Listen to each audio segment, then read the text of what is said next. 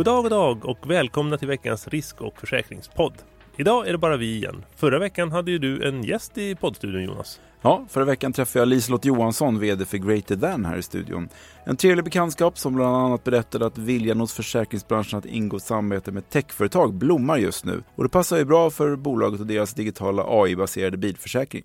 Och du var utomlands i Amsterdam på försäkringskonferens förra veckan. Det var jag. Jag besökte Connected Claims Europe där framtiden för skadereglering och skadehantering diskuterades i dagarna två. Väldigt intressant och eh, jag tipsar alla om att läsa hela sammanfattningen i Risk och försäkring Insights förstås. Var det värt resan? Det tycker jag absolut att det var. Förutom det ganska uppenbara med uppkopplade fordon och snabbare skadereglering och utbetalningar med hjälp av AI så kommer ett flertal andra områden upp som jag faktiskt inte hade tänkt så mycket på. Som till exempel hur man anonymiserar stora mängder persondata så man kan jobba med dem och dela informationen med andra utan att bryta mot GDPR. För att bara ta ett exempel. Men nu är det en ny vecka och det kommer ständigt nya försäkringsnyheter. Vad har det handlat om mest den här veckan i nyhetsväg? Det var mycket om hållbarhet i veckan kan man definitivt säga. I onsdags kunde EU-ländernas ambassadörer enas i en gemensam ståndpunkt om den så kallade taxonomin. EUs kommande klassificeringssystem för hållbara investeringar.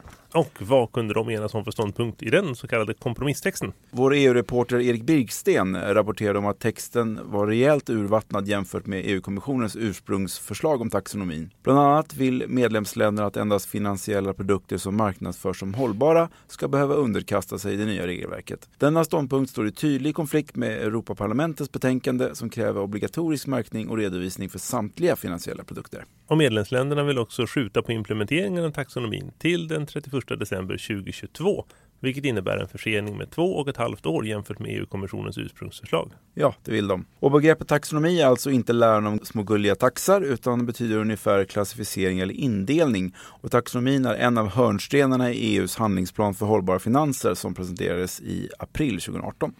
Och mer på hållbarhetsområdet. Flera svenska livbolag har gått eh, med i en nollutsläppsallians berättades de här i veckan. Ja, det är Folksamgruppen, AMF, Alecta, Nordea Livpension och SPP Storebrand som är med från svenskt håll i Net Zero Asset Owner Alliance som det heter. Bra jobbat! Det är ett globalt initiativ mellan cirka tio kapitalägare och kapitalförvaltare som har ingått en investerarallians för nollutsläpp.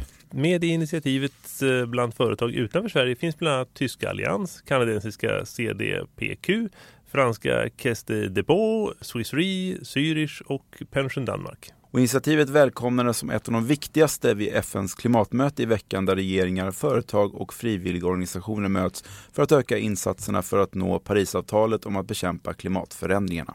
Och de bolag som eh, tagit initiativ till Net Zero Asset Owner Alliance äger tillsammans med övriga som hittills har gått med i Investerarsalliansen tillgångar till ett värde av cirka 24 000 miljarder kronor. Den summan motsvarar 24 gånger den svenska statsbudgeten eller fyra gånger Stockholmsbörsens värde. Det.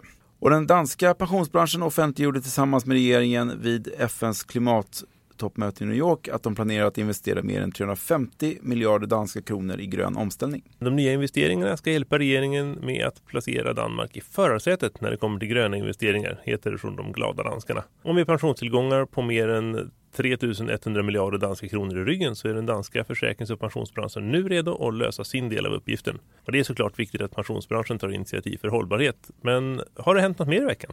Ja, det berättades bland annat att under 2020 byter Sveland Sakförsäkringar varumärke till Trygg-Hansa. Det blir rödvit livboj för dem med andra ord. Men varför vill man inte heta Sveland Sakförsäkringar längre?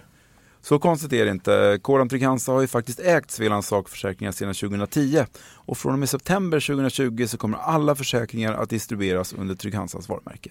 Härligt. På tal om Trygg-Hansa så har ju de rekryterat tre nya personer till ledningsgruppen också från de egna leden. Ja, det är Henrik Svantesson som tillträdde som företagsmarknadschef, Martin Schneider som tillträdde som privatmarknadschef och Merit Bäck Malila som tillträdde som chef för governance och kontroll. Den sistnämnda har för övrigt arbetat på Trygg-Hansa i 21 år. Det är ju längre tid än vi har varit försäkringsredaktörer. Ja. Men eh, inte om man slår ihop våra tjänster. Då är det vi som är äldst i gamet och det är ju förstås inte så illa. Nej. Något som däremot är illa, åtminstone för företaget Exid, det är att Skandia säger upp allt samarbete med försäkringsmedlaren. Det berättar Skandia i veckan. Och anledningen det är helt enkelt att Exid inte lever upp till Skandias krav på förmedlare. Exids ekonomiska intressen har i hög grad styrt hur kundernas pengar placerats, vilket är i strid med god försäkringssed. Exid har ägnat sig åt systematiskt återköp av försäkringar och sedan placera kapitalet i egna produkter. Återköpen av försäkringarna har inte skett med hänsyn till kundernas behov, anser Skandia. På Skandia säger man också att det finns exempel på att Exid inte uppträder professionellt i kontakten med kunderna. Olämpliga tillvägagångssätt har skapat oro bland kunderna och resulterat i klagomål. Klagomål som sedan skickas vidare till Insuresec. Skandia samarbetar bara med aktörer som lever upp till våra krav. Sammantaget har Exid visat att de inte lever upp till kraven och då agerar vi för att värna om kunderna, säger Lasse Eriksson, försäljningschef på Skandia i en kommentar till agerandet. Och på personnyhetsfronten så har Robert Edberg tillträtt en ny roll som Senior Business Developer på Movestic Liv och Pension nu i september. Tidigare i karriären har han bland annat varit VD för Nordic Brokers Association Hjärta under åren 2012 till 2018 och suttit i styrelsen för United Securities, SFM, Fullmaktskollen i Sverige AB, Insclear AB och Webcap. Grattis till nya jobbet Robert! Mm. Och regeringen anser att EU-kommissionen rätt i sin kritik av Sveriges genomförande av Solvens 2 på 9 av 10 punkter. Det framgår av regeringens svar på EU-kommissionens underrättelse. Lagtexterna som genomför Solvens 2 ska tydliggöras och ändras senast den 1 juli 2020, skriver regeringskansliet. Jag tycker det är fint att kunna erkänna att man har gjort fel ibland. Och det är heller inte alltid fel att vara innovativ och satsa på ny teknik i försäkringsbranschen. Och det har Zürich tagit fasta på och bjuder in startups till den andra upplagan av koncernens tävling, Innovation Championship. Tävlingen erbjuder startups möjligheten att samarbeta med det globala försäkringsbolaget för att växa sin affär. Zürich söker nystartade företag med tekniska lösningar och innovativa affärsmodeller som kan tackla förändringar inom klimat, hälsa, automatisering och andra saker som kommer att påverka kommande generationer i en förändrad värld. Tävlingen lanserades på Insurtech Connect i Las Vegas och ansökningen kan lämnas in senast den 17 december där Zürich-filialer runt om i världen som deltar i tävlingen väljer ut ett bidrag från respektive land till den globala tävlingen. Sen går åtta bolag vidare till finalen som beräknas äga rum i augusti 2020.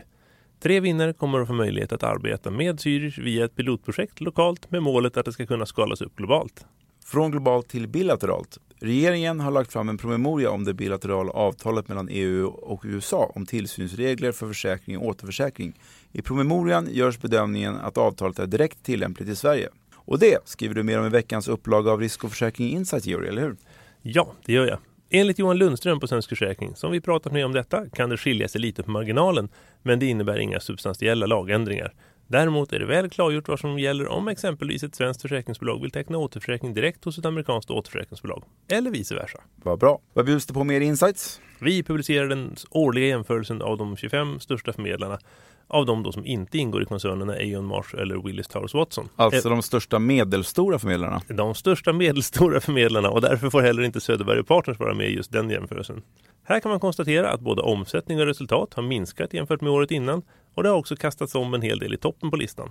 Förutom det så skriver vi om de hot mot den finansiella stabiliteten inom EU som tillsynsmyndigheterna inom EU har skrivit en rapport om. Brexit, lågränteläget och hållbara risker stod i fokus när tillsynsmyndigheterna presenterade en hel del råd om hur bolag och myndigheter bör agera framöver för att klara utmaningarna. Och det är alltså ESAS där det är Jopa ingår också, eller hur? Precis. Ja. Trevlig läsning om det, säger vi. Det var allt vi hade att bjuda på i veckans podd. Producent för podden är Julia Siverts och vi är tillbaka igen hela gänget nästa vecka. Det kan ni lita på. Trevlig helg snart önskar Jonas och Georg.